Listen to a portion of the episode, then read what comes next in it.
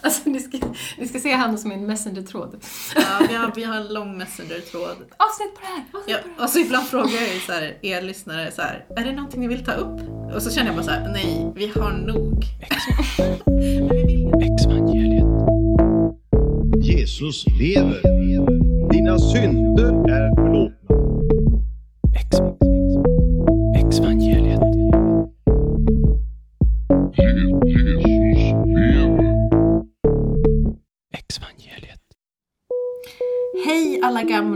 nya lyssnare. Jag är Hanna Larsdotter, stolt ex-evangelikal och med mig idag har vi min allra bästa ex-mormon sidekick, Anna. Hej! Vad tycker du Anna, får man vara en stolt avhoppare? Man ska vara en stolt avhoppare tycker jag. Ja, vi har ju till och med pratat om eh, att vi ska ha ett avhoppar-pride. Ja. ja. Eller det känns ju lite sådär att, att gå och kladda på någon annans eh, frihetskamp. Ja. Det, det känns ju lite taskigt på ett sätt men eh, man har varit igenom en himlans massa alltså, som avhoppare. Och det ska man vara stolt över. Ens gamla sammanhang är ju bara öser ju ut hat och allt möjligt över sådana som oss. Alltså jag läste en text igår om att påven liknade syndare vid fladdermöss. Mm. Jag tyckte det var eh, lite kul. kul inom citationstecken. inte läsa han sa? Ja, jag ska läsa här. Det var på hans påsktal va? Ja, så kanske det var. Ja. Det var tidningen Dagen som skrev om det, Mm. tror jag. Eh, och där står det eh, I sin predikan lyfte han fram Guds stora kärlek till världen och jämförde syndare med fladdermöss som flyger i mörkret under natten. Påven reflekterade över att människan har ett val mellan mörker och ljus och konstaterade att det finns människor som inte lyckas leva i ljuset för att de har blivit så vana vid mörkret. Ljuset förblindar dem och de kan inte se. De är som mänskliga fladdermöss. De kan bara röra sig under natten. Vi själva, när vi lever i synd, kan inte tolerera ljuset i det tillståndet. Det är enklare att leva i mörkret, sa påven Franciscus. Och det, det tänkte jag direkt alltså på fladdermöss. är ju orsaken till coronasmittan, tror man, eventuellt. Ja. Och fladdermöss är som syndare. Ja. Alltså är på något sätt syndarna vi då? Eller Roten synden? allt ont i världen. Är liksom grunden då till den här smittan. Nej, jag vet inte, det, det var min hjärna. Det var min tolkning, min hjärna som, som tänkte lite fritt. Mm. Tankar på den? Jag tänker eh, hellre en sån som kan vandra i mörkret utan att bli rädd och vilse. Mm. än någon som måste hålla sig i ljuset och är rädd för allt annat. Jag får bara migrän av solen i alla fall, så ja, det stämmer väl. Men alltså, jag tycker fladdermöss är ganska coola liksom. Ja. Jag får också migrän av solen. ja. Oh my god. Hellre slippa mörkrädsla än bländas av himmelskt ljus som ger migrän. Nej, men, ja, men det, är bara, jag- så här, det bara bekräftar ju vad han säger, så här, vi tål inte vi tål inte ljuset. Nej. Nej men vad man än säger. Som sagt, Lucifer är ju liksom ljusbärare. Ja. Det får man inte glömma. Så allting som är ljust är ju inte bra. Nej, jag vet inte. Exvangeliet. Gärna en fladdermus. De kan både flyga och ta sig runt i natten. Ja, Ja, hej och vi ska inte prata skit om fladdermössen. Och vi ska hur som helst idag inte prata om våra, vän- våra vänner fladdermössen. Dagens samtal är på många sätt en fortsättning på det senaste bonusavsnittet Unorthodox med Jesper Alin Marcheta, där vi pratar om individualism. Så har du inte lyssnat på det, eh, väldigt intressanta avsnittet, så gör gärna det innan du lyssnar på det här. Vi finns kvar här och väntar på dig. Eh, Men idag, Anna, så ska du och jag dela med oss av våra tankar kring Netflix-serien Unorthodox. Yes. Som vi ju båda har sett. Men också kring, lite kring senaste avsnittet med Jesper kanske, lite andra kommentarer. Det har ju varit en eh, ganska ordentlig eh, respons här på, på både Joel, och, Joel Halldorfs artikel och Jesper, Jespers artikel. Så man kan gärna gå ut och läsa dem Mm. eh, om man vill. Vi tar väl, kanske tar upp lite grann därifrån, men vi tänkte väl först och främst dela med oss av våra egna reflektioner kring um, Unorthodox och Mm. hur serien är gjord och hur den framställs och Mm. eh, lite sånt där. Men du, jag uppfattade det som att du dröjde ett tag innan du såg den här serien. Mm, Anna. ja, varför, grann varför gjorde du det? Alltså dels någon för att jag inte är så bra på att se på film överhuvudtaget. Men, eh, men eh, ja, det är ju klart att man så här, alltså som avhoppare själv, att man säger okej vänta jag måste vara lite preppad för att eh, gå in i de här ämnena. Ja. Så emotionellt preppad? Ja, men liksom inte ta det på en dag när man är som längst ner kanske. Ja. Exvangeliet. Ja, men, om vi börjar med alltså, vår egna reaktion Mm. på när vi såg den. Jag Ja. kan börja. Ja, Min- gör det. Vad tyckte du Hanna? Ja, alltså, jag tyckte att den var jättefin. Och väldigt, jag gillar det, det är viktigt också att tänka så här, hur är den gjord Ja. eh, rent filmiskt? Och jag tyckte om den väldigt mycket rent filmiskt. Och det var många fina så här, igenkännande stunder. Jag sa det till Jesper också förra avsnittet, att när hon tog av sig peruken ute i vattnet. Mm. För mig var det så symboliskt verkligen så här. Mm. Åh, yes! Hon är fri liksom. Mm. Typ att hon fick ta av sig det där någon slags ok liksom, från sitt huvud. Eh, och så var hon bara... Ja, det var väldigt fint för mig. Jag tror jag grät en skvätt där. Mm. Däremot så kunde jag väl liksom tycka att det som det säkert lätt blir, såklart blir lite endimensionellt i det här med att liksom ehm, hon lämnar någonting som är, liksom, man upplever som extremt destruktivt liksom, eh, utifrån en, vårt synsätt som kanske västerländska eller så. Mm. Men, och så kommer hon ut till det här som är bara kreativt och det är liksom fri sex och det är liksom eh, fri gemenskap och alla är glada och skämtar och det blir liksom sån kontrast. Mm. Eh, och det är ju en film, det är ju serie liksom. Det är ju så det lätt blir. Mm. Så jag tyckte väl liksom att visst kunde väl se liksom lite pro- problem i det. Också för att hennes resa då från liksom att vara i det här väldigt liksom, instängda till att komma ut i friheten också verkar väldigt så här, oproblematisk Mm. på sätt och vis. Alltså, man ser inte liksom hennes här, smärta och hennes ångest och hennes säkert skuld och skam och, och känslan inför att hon har svikit Gud och liksom allt det här som jag upplever att jag har, det har tagit väldigt många år för min del, alltså att lämna ett religiöst sammanhang, att gå igenom. Och det är ju svårt att framställa det på, i en film. Liksom. Ja. Det är det ju. Ehm, så där kunde jag väl känna liksom så här, att jag undrar så hur, hur människor som inte har varit med om det här själva ser på det. Det är lätt att det blir stereotypt. Precis. Ehm, Men jag tycker också att det är viktigt att såna här berättelser får synas och att, att det, det, det blir en debatt kring det. Mm. Och att det i debatten kan få komma fram fler synvinklar på Mm. det. Ja, jag hade väl lite liknande faktiskt. Alltså, jag tyckte att det var väldigt många fina scener och liksom väldigt många så fina eh, grejer där man kan förstå liksom hur hon har upplevt det här. Och sen så förstår jag väl liksom att den här serien liksom inte på något sätt eh, gör anspråk på att vara en heltäckande bild av ett sektavhopp. Eh, men det är då jag också känner så att eh, Ja, jag, vet inte. Jag var så här, som avhoppare själv, inte från, en lika, inte från ett lika slutet och destruktivt sammanhang som hon var i, men ändå någonting liksom, som touchar på det. Och att ha varit i kontakt med så många andra avhoppare från olika rörelser de här åren. Jag, liksom, jag blir liksom... Eh, alltså här får man se... Åh jävlar, jag blir liksom skakig när jag pratar om det här. Men liksom, här, här får man se eh, vad är det, två, tre, fyra veckor utsnitt liksom från de här dramatiska yttre förändringarna som hon gör. Eh, som är väldigt tacksamt att göra film om. Men jag menar, för en sektavhoppare, det, så slutar det ju inte där.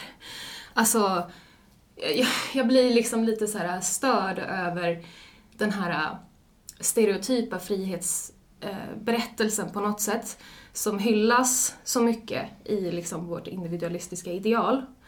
Eh, och det, det är ju bra, liksom. det finns mycket med det. Men liksom, det finns också det här, alltså folk som går igenom sådana här saker, de har liksom förstörda familjer, de har liksom psykiska men för resten av sina liv.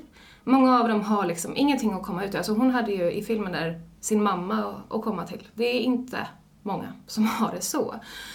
Eh, och liksom många offrar allt. Och det är många som stupar på vägen, liksom, som inte klarar det här. Och jag blir liksom lite... Alltså jag har känt sån frustration på något sätt, att det, är så här, det finns så lite kunskap om oss här ute det finns liksom någon slags medvetenhet och någon slags vilja till att liksom förstå mer förstås. Men jag tror att, alltså som vi har sagt många gånger, det här är ett så osynligt problem. Och jag har ingen statistik på hur många vi är, men jag vet att det finns 300 grupper i Sverige som räknas som sekteristiska.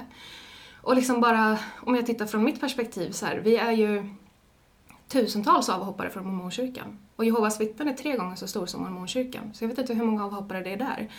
Och liksom från andra sammanhang som är mer eller mindre slutna. Alltså det är så många människor som går runt med sådana här saker som inte hörs. Och här sitter vi och pratar. Och folk, alltså, så när jag pratar om mina grejer, folk är såhär åh vad stark du är, så vill de höra mer om min, så här, mitt avhopp och liksom hur det var. Och jag blir så här, och, och, och så är det, står man här som någon slags så här, hjältinna i det här frihetsnarrativet liksom och folk vill veta hur, hur det var där och, hur, och, så här, och absolut, det kan jag gärna berätta om.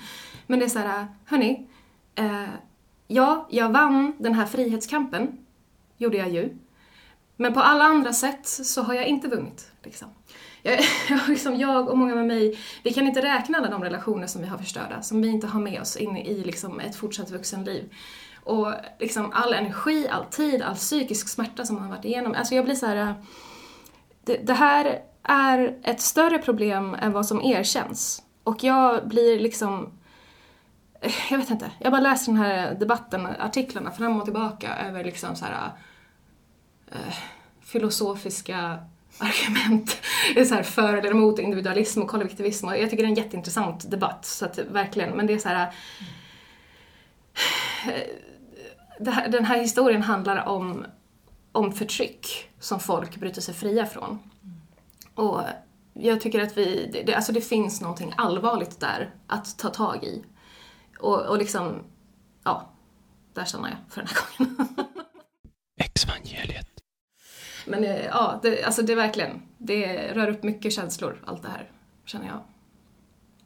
Jag känner också det nu när du sitter och pratar, jag blir Ja. alldeles berörd. Ja. Alltså, det är så, så otroligt viktigt att mitt i den här liksom debatten som pågår, och en debatt är ju, alltså den är ju oftast, blir ju liksom ensidig från Ja. olika håll.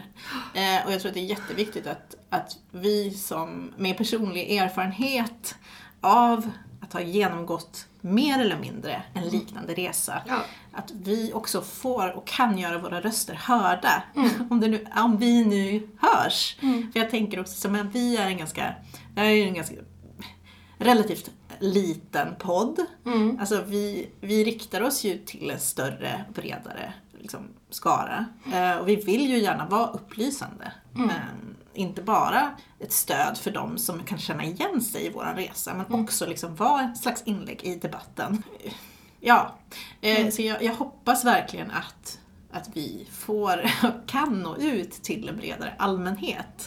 Och det är också mitt mål, mitt mål i alla fall, med min aktivism, eller vad man nu ska kalla det, att faktiskt eh, att ta det här liksom, samtalet eller debatten till en annan plats. Eh, Där den inte bara behöver vara filosofisk, eller vad man ska säga, eh, eller teoretisk, utan att den faktiskt kan få liksom, belysa eh, den faktiskt upplevda Ja, det, alltså det, det, finns... det som är svårt att sätta ord på. Det som, liksom, det som är upplevelsen av det på Ja. något sätt. realiteten Ja. liksom, i de här människorna. Alltså vad betyder det för en människa att gå igenom en sån här grej? Mm. Det är inte så att det kommer sluttexter och liksom en härlig jingel. Utan vi som gör det här, vi ska leva med det här resten av våra liv. Och det är många som aldrig får ihop sina liv efter såna här grejer. Mm. Och de människorna behöver vårt, vår hjälp. Liksom. Jag, jag liksom... Ja, men och mitt i det så står man i så här, debatten mellan så här, individualism versus kollektivism. Ja, Och så känner man bara så här. Alltså visst, jag vill ju vara, jag, alltså, visst ska jag välja liksom. Alltså måste jag ställa mig på någon sida så ställer jag mig på så här, ja, individualism-sidan. ja, Känner jag. Ja. Ja, för mig är inte individualism emot en typ av, en typ av kollektivism. Mm. Alltså, jag menar, vi, som sagt, gemenskap är ju jätteviktigt för oss människor och jag jobbar jättegärna för Alltså att vi ska kunna finnas till för varandra som människor. Men någonstans för mig måste det grunda sig i att man är en individ. mm, Alltså gruppen får inte komma i första hand på bekostnad av individen. Ja. För jag har levt i det. Mm. Och för min del så kan jag i efterhand se att mitt jag var väldigt begränsat. Mm. Och när jag levde i det så förstod jag inte riktigt det. Alltså, som vi pratade om igår Anna, du sa det att jag kände hela tiden att det var någonting som kändes fel. Mm. Men det gick liksom inte riktigt att ta på. Nej, precis. För Exvangeliet. Ja, okej, jag läser upp lite vad jag skrev för mina Ja. anteckningar. Eh, för han Jesper Alin Marcet, Mar, Marchita. Marchita, förlåt. han, sa, han pratade om eh, Esti där som att hon inte hade någon personlig koppling till kollektivet. Eh, och det där tog jag fasta på, för det var något jag aldrig hade kunnat inse när jag var en del av kollektivet. Man gick runt som en del av ett vi och förstod inte att skav och obehag inuti var på grund av att jag inte tilläts lägga upp mitt liv som jag behövde. Obehag skulle arbetas bort, inte lyssnas på. Jag skulle aldrig kunna sätta fingret på om jag var oerhört trött efter en söndag så var det inte för att jag varit på fyra timmars kyrka utan nej, det var något fel på mig som inte klarade av det. Att det, det, det var liksom hela tiden där för att man, alltså man går runt som en person i ett, i ett så här väldigt starkt kollektiv som har en väldigt så här stark likriktad idé om hur man ska, vad det är man ska klara av i sitt liv. Liksom. Jag, som jag har sagt i något avsnitt, så här, jag, jag förstod inte när jag var mitt i det att jag är en väldigt annorlunda person som måste ha ett väldigt annorlunda liv för att liksom fungera. Ja. Eh, utan då, nej men då riktade jag allting inåt då liksom, och det var fel på mig och jag skulle liksom, alltså såhär, eh, ja och så ska man ha Jesus då som ska liksom hjälpa en igenom alla svårigheter som uppkommer för att man inte har ett liv som man klarar av. Exvangeliet. Ja. Jag läste Åsa Bäckmans Unorthodox visar att ett par jeans kan rymma mer frihet än man kan tro. Och det var i DN. Det var i Dagens Nyheter, eh, en krönika den 10 april Ja. 2020. Uh, och jag läste det där och jag blir ju liksom glad över insikterna på något sätt. Alltså hon pratar om att hon uh, alltså hon pratar om den här scenen när hon provar ett par jeans första gången, som vi har tagit upp. Uh, och att det är liksom, att hon och Åsa då förstår liksom vilken frihetsgrej det här är för någonting som vi andra tar för givet. Och jag blir liksom glad över att hon gör den insikten, men jag blir också lite så här. Jag blir lite frustrerad över okunskapen på något sätt i, hos Medelsvensson, får jag säga, får jag använda det ordet? Men liksom att det är så här, att gemene man som går runt i det här landet som är liksom så det, alltså vi åtnjuter så mycket friheter i det här landet och jag har levt i ett sammanhang där de friheterna inte finns. Och det har varit så svårt för mig liksom att komma ut och umgås med liksom, människor som har vuxit upp i sådana här friheter och ta dem för givet och liksom inte fattar vad det är de har på något sätt. Alltså att det, jag blir liksom... eh, Jag, jag blir lite frustrerad på alltihopa, liksom att de så här eh, är fascinerade över det här på något sätt, att folk inte vet Ja. mera. Och liksom, som inte vet vilken otrolig kamp det är som deras förfäder liksom har gjort för deras skull.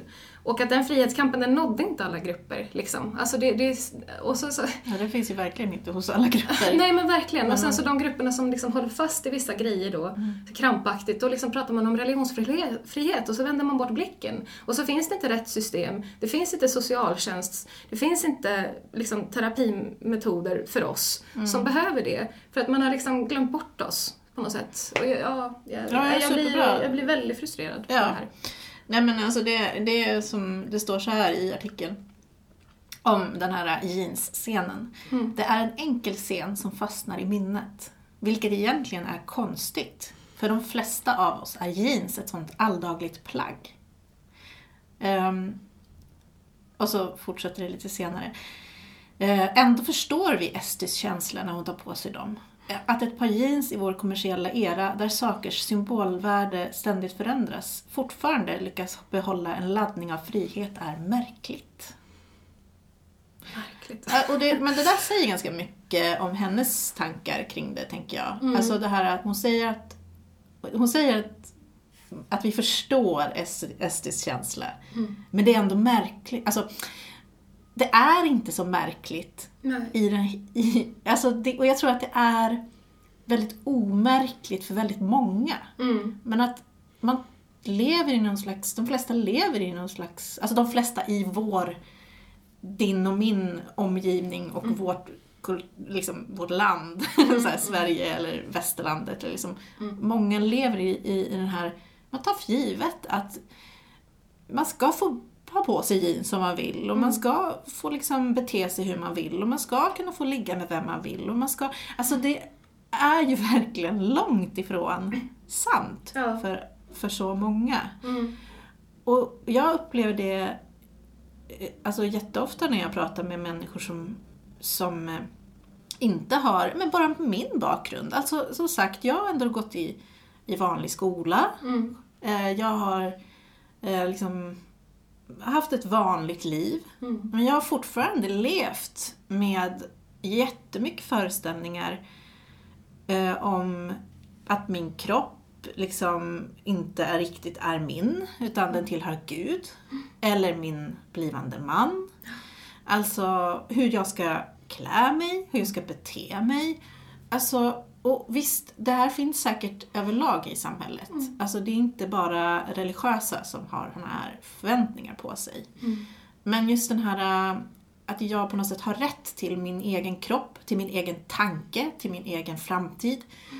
Det, helt ärligt, har inte varit så för mig. Utan för mig tillhörde framtiden min kropp, eh, min tanke, tillhörde Gud. Mm. Alltså, Gud gick i första hand för mig. Liksom. Och, och det är inte, inte individualism för mig. Alltså, Nej. det är inte en fullständig liksom, möjlighet att få utveckla mig själv som person. Mm. Och jag tror att det där var alltid någonting som jag, jag, jag upplevde att jag ville på något sätt slå mig fri. Jag kände mig alltid begränsad. Men det är så svårt när man är i det och man har haft det hela livet att sätta fingret på det. Och nu sitter jag så här i efterhand Ja. och sitter här och, och säger såna här grejer om liksom, en tro. om en, en troende människa. Jag säger inte att alla upplever det så här, men jag gjorde det och det är min, min upplevelse jag delar. Mm. Sen, jag, hopp, jag tror att det säger någonting Mm. om stadiet man är mentalt Mm. för väldigt många i såna här rörelser Mm. eller i ett religiöst sammanhang där man sätter Gud först, man sätter gruppen först, man sätter liksom allt det här i första hand eh, istället för att liksom utgå från sin person helt och hållet. Eller liksom, Ja, ja. eh, Nej men för man skammar ju liksom det här med att eh, man säger att man är självisk och så här. Alltså Ja. på riktigt, det här, det här är en textrad från en sång som vi sjöng ofta, vi tjejer liksom i eh, mormorskyrkan som heter Window to his love. Eh, och den går, den går så här.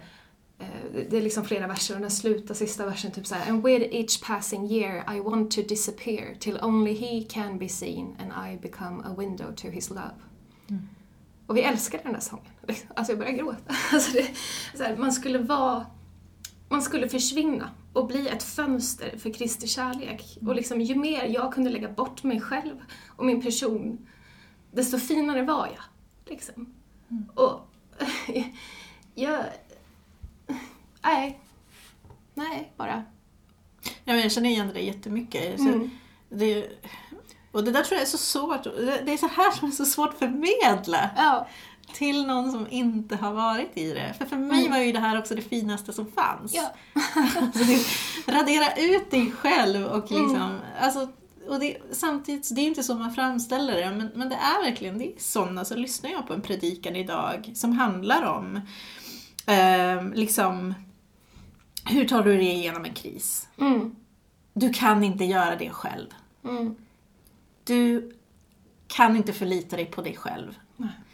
Du kan inte förlita dig på dina känslor. Mm. Du kan inte förlita dig på dina tankar. Du måste förlita dig på Gud.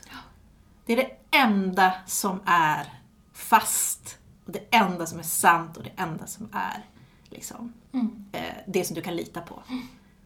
Det är exakt så, Mm. Fortfarande idag när jag hör predi- predikningar eh, från en del eh, ställen som är väldigt så här, ja, vanliga.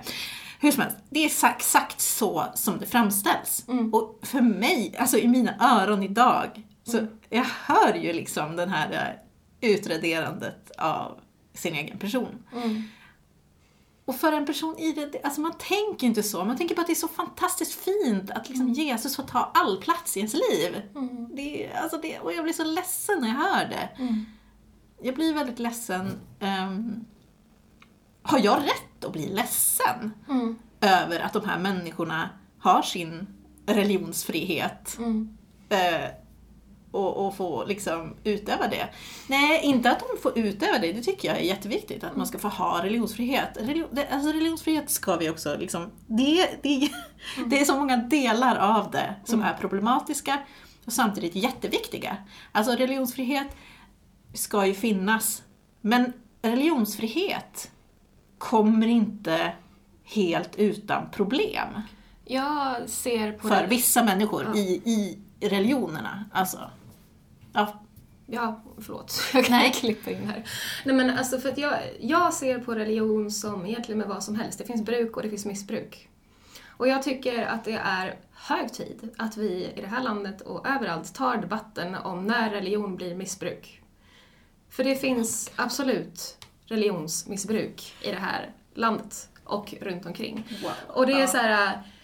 Eh, jag, jag blir så lä- alltså det var en scen som berörde mig jättemycket i okej, jag, börjar, jag kommer gråta genom hela det här avsnittet. Men alltså, Ja. den där avsnittet när de, gift, när, hon, när de gifter sig. Och de här männen, liksom äldre männen i hennes grupp och kvinnorna, att de liksom hade sina riter och de sjöng sina sånger och de gjorde de här liksom bröllopsriterna kring den här 18-åriga tjejen, liksom, gifte bort henne med en annan. Och hon, ja såklart, det där var ju hennes grupp, det är klart att hon känner de där känslorna, hon har ju förberett för det här hela sitt liv. Liksom. Och hon känner ju glädje och hon skrattar ju, hon vill ju det här för att det är ju så det är menat för henne. Och liksom jag bara ser den här, så här religionsfrihetsdebatten och alla lobbyister som har liksom lobbat fram olika rättigheter för religiösa och jag bara såhär, okej, men i den här gruppen då? Alltså nu tänker jag ju bara rent hypotetiskt liksom så. Men liksom i den här gruppen från den där filmscenen, det är de här äh, männen som liksom är de äldre männen som vill göra de här riterna liksom med de här yngre personerna på något sätt. Det är de som slåss och hörs för att få utöva, liksom för rättigheten att få utöva sin religion. Och i sin rit så förstör de Estys liv. Liksom. För att, alltså, mer eller mindre. Och jag blir liksom, jag blir så upprörd på att det är så här, att det finns, att det finns så mycket rättigheter för religiösa att förstöra barnens och yngres och mindre bemedlades liv. Alltså det är så här, religion kan vara jättefint. Alltså som du säger där när de pratar om liksom att så här, Åh, Kristus är det enda och det är det som hjälper oss framåt och sådär. Vissa upplever det ju verkligen så. Vissa har ju det som sin, liksom, sin, sin inre process och tar sig framåt i livet på det sättet och absolut, det har de rätt att göra. Men religionsfriheten går alldeles för långt i många, många fall. Och i mitt fall, så jag, som sagt, jag har inte varit öppen med allting som har skett med mig privat. Och det, för det är en historia för en annan gång längre fram. Men liksom, det, mitt liv, många andras liv som jag har pratat med är liksom så skadade för att det inte finns restriktioner för vad man får göra i religionens namn. Exvangeliet. Du fäller tårar, Hanna. Nej, men jag, jag tycker det här är jätteberörande. Mm. Alltså, det kommer verkligen in på, så här, på djupet, som Mm. sagt. Vi vill ju någonstans prata om det här ehm, som inte syns i debatten. Mm.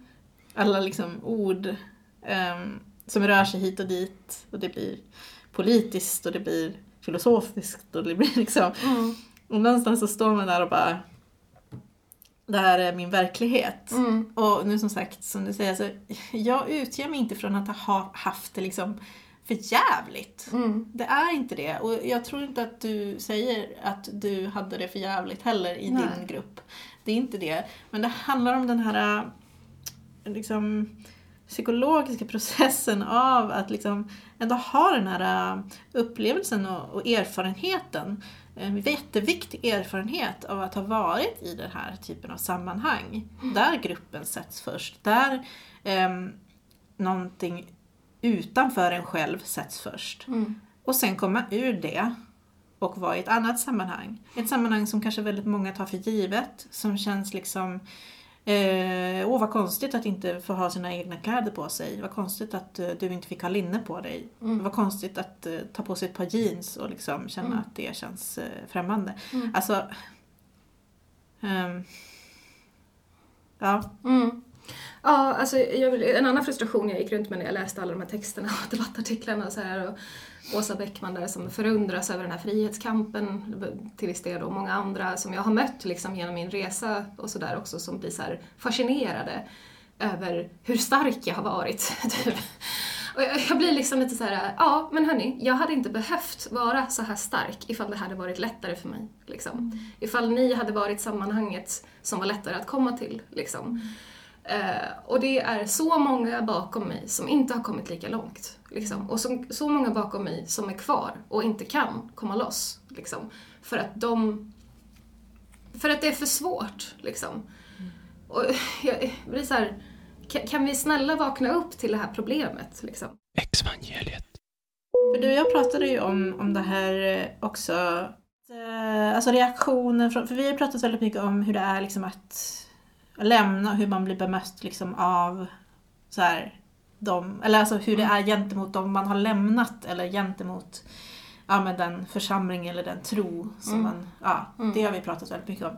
Men vi, jag vet, har vi pratat just om det här eh, Vad man Just- möter när man kommer ut. vad man möter, det är ju det det här handlar om väldigt mycket, tänker jag. Alltså det här, hur framställs en sån här person? Alltså Ja. som till exempel då, vad jag tänkte på var just det här eh, som eh, Joel Halldorf skrev om. Eh, Joel Halldorfs text i Expressen den 16 april 2020. Ja, precis. Här Mm. skriver om att eh, berätt, alltså problemet är berättelsen. Den uttjatade historien om en ung person som förtrycks av en sekt men bryter sig loss och blir en modern frigjord människa. Mm. Eh, alltså det är det här jag menar. Uttjatad. Okej, det finns många delar av det här. Ja. Den uttjatade historien om en ung person som förtrycks av en sekt. Ja, jag kan hålla med.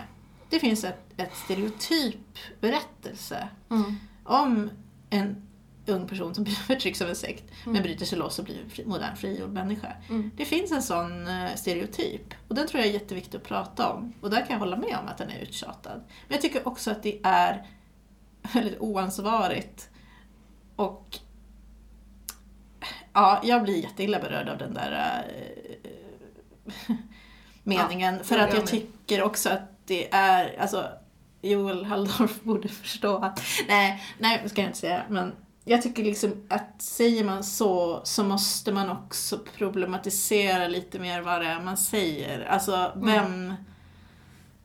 Det borde ju snarare finnas fler berättelser av människor, unga, gamla, eh, liksom mer eller mindre förtryckta, eh, mer eller mindre fångna i ett sammanhang där de inte känner sig bekväma, men bryter sig loss och blir eh, frigjorda på olika sätt. Mm.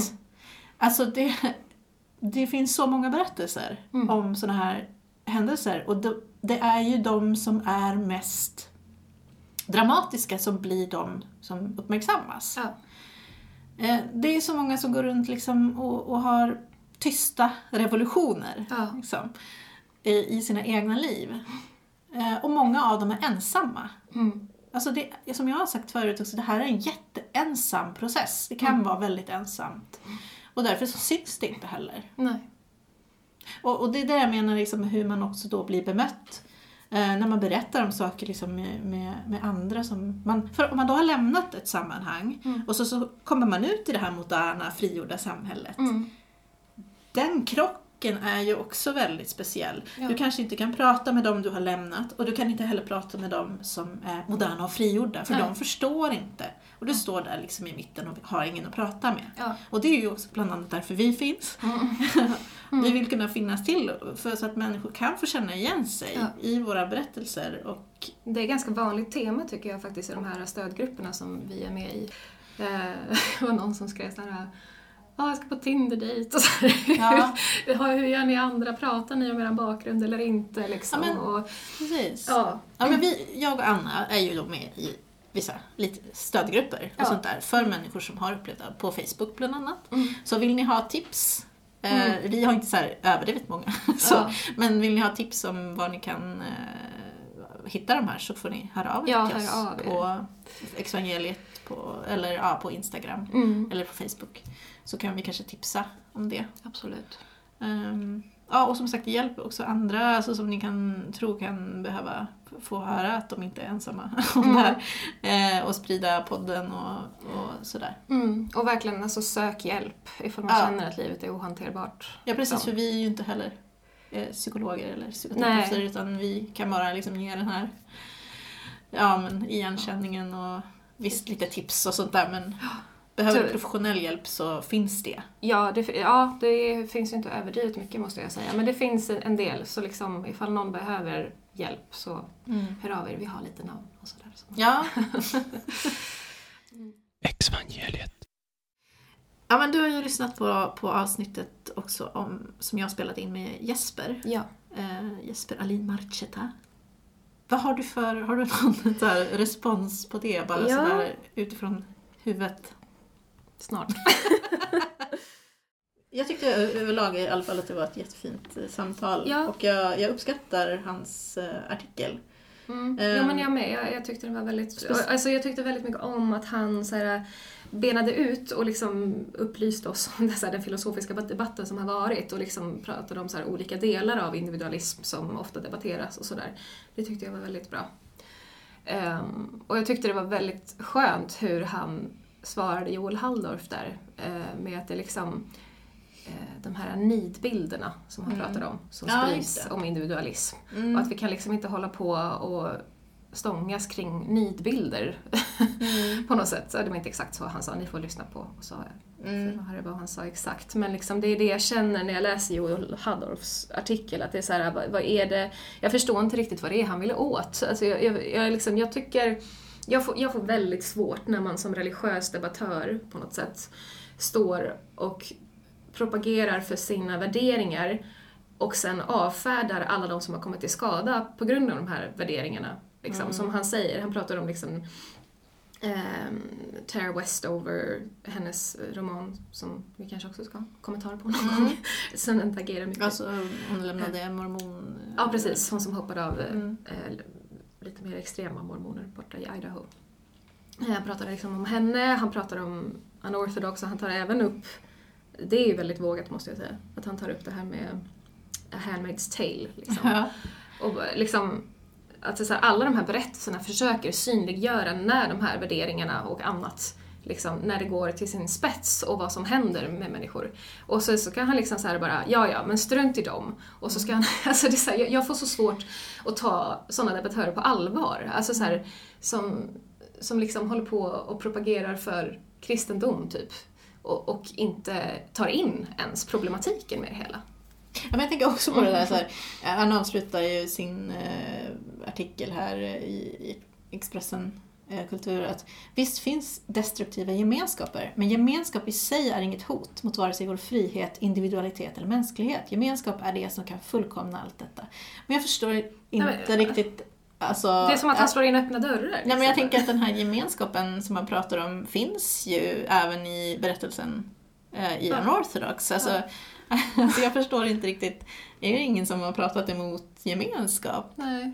Eh, och, jag förstår inte riktigt eh, vad han vill säga med det. Nej men det känns som att han läser in massa grejer som inte är där liksom. Alltså, Ja, men, ja, jag vet inte riktigt varför men, eh, men, men jag tänker också det här att, att det är som att det blir en... Alltså kritik mot religion blir ofta så här. Nej, religion är jätteviktigt. Det är vårat... Det är jätteviktigt för gemenskapen. Alltså det är som att eh, religionen på något sätt får ha, ska ha så här ensamrätt på gemenskap. Mm. Är det det han vill? Eller liksom att det är, där, det är bara där man kan hitta sann gemenskap? Ja. Eller? Alltså, och det är visst jättemånga som får gemenskap genom religion. Ja. Och vissa mår jättedåligt av religion. Alltså det är, så här, det är ju det, vi måste ju se hela bilden. Vi kan ju inte avfärda liksom, alla oss då. Liksom, Ja. och våra jämlikar på något sätt. Ja, nej, jag får jätte... Eh, jag, jag, och sen så, jag, tycker, jag blir lite, jag blir väldigt upprörd faktiskt när han håller på uh, Alltså för det känns som att han målar ut också lite så här predikande liksom. Det är därför vi lider så i karantän. Så då drar han liksom så stora penseldrag och drar folk över en kam liksom. Och så här, jag har varit med så här, jag har fått se massa skämt från så här, typ introverta som bara så här, ja vad skönt, nu gör resten av världen som oss.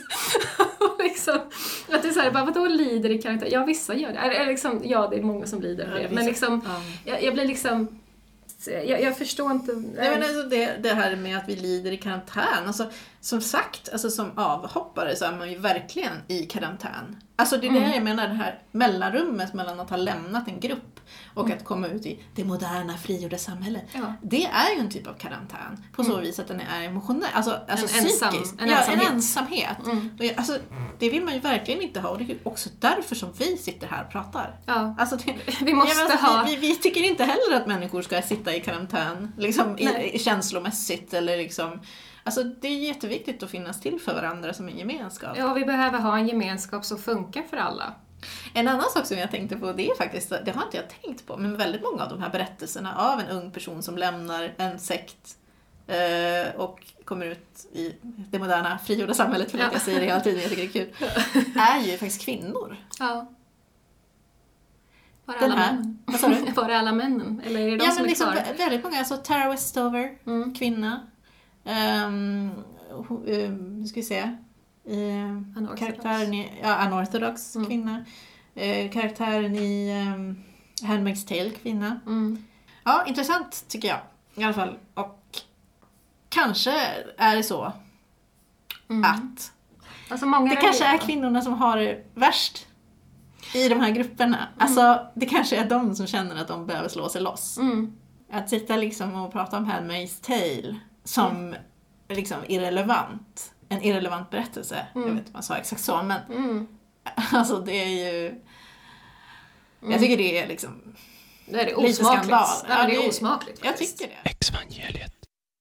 Ja, jag tycker absolut inte att det är en irrelevant berättelse. Det är liksom... Det, det, det tror jag att Joel Halldorf... Han är inte ensam om att tycka det, men jag tror att det är väldigt många som tycker att det är en väldigt relevant berättelse. Ja, Och verkligen. även Tara Westovers berättelse. Ja.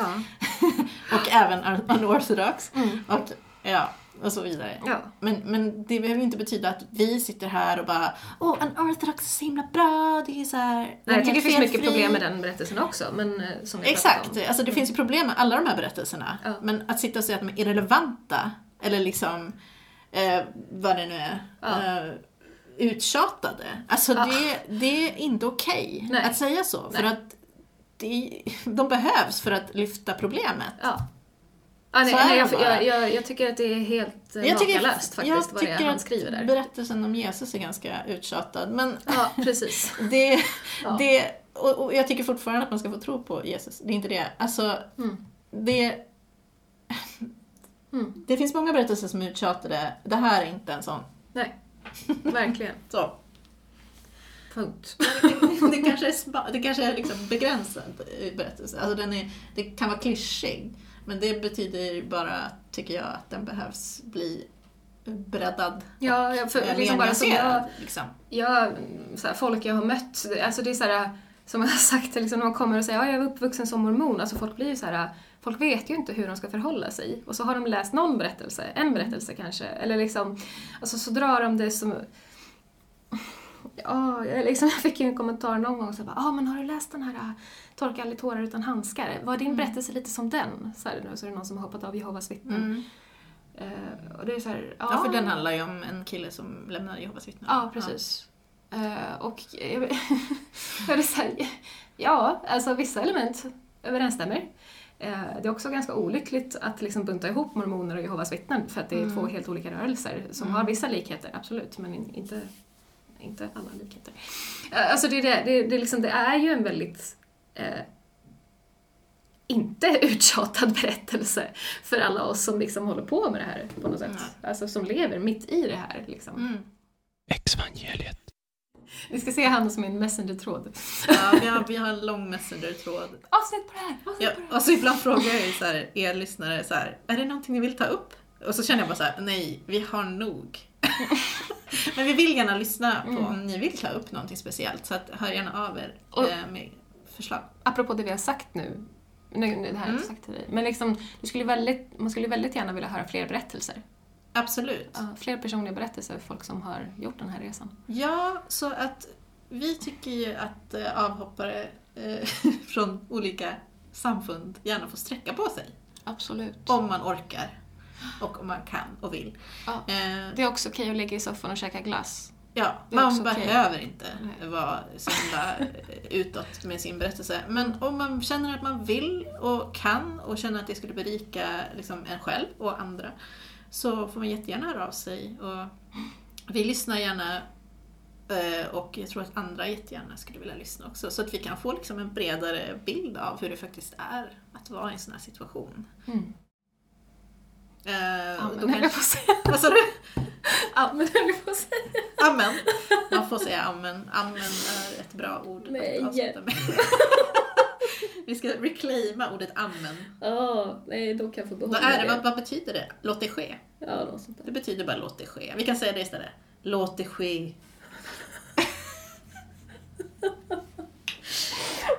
Inte.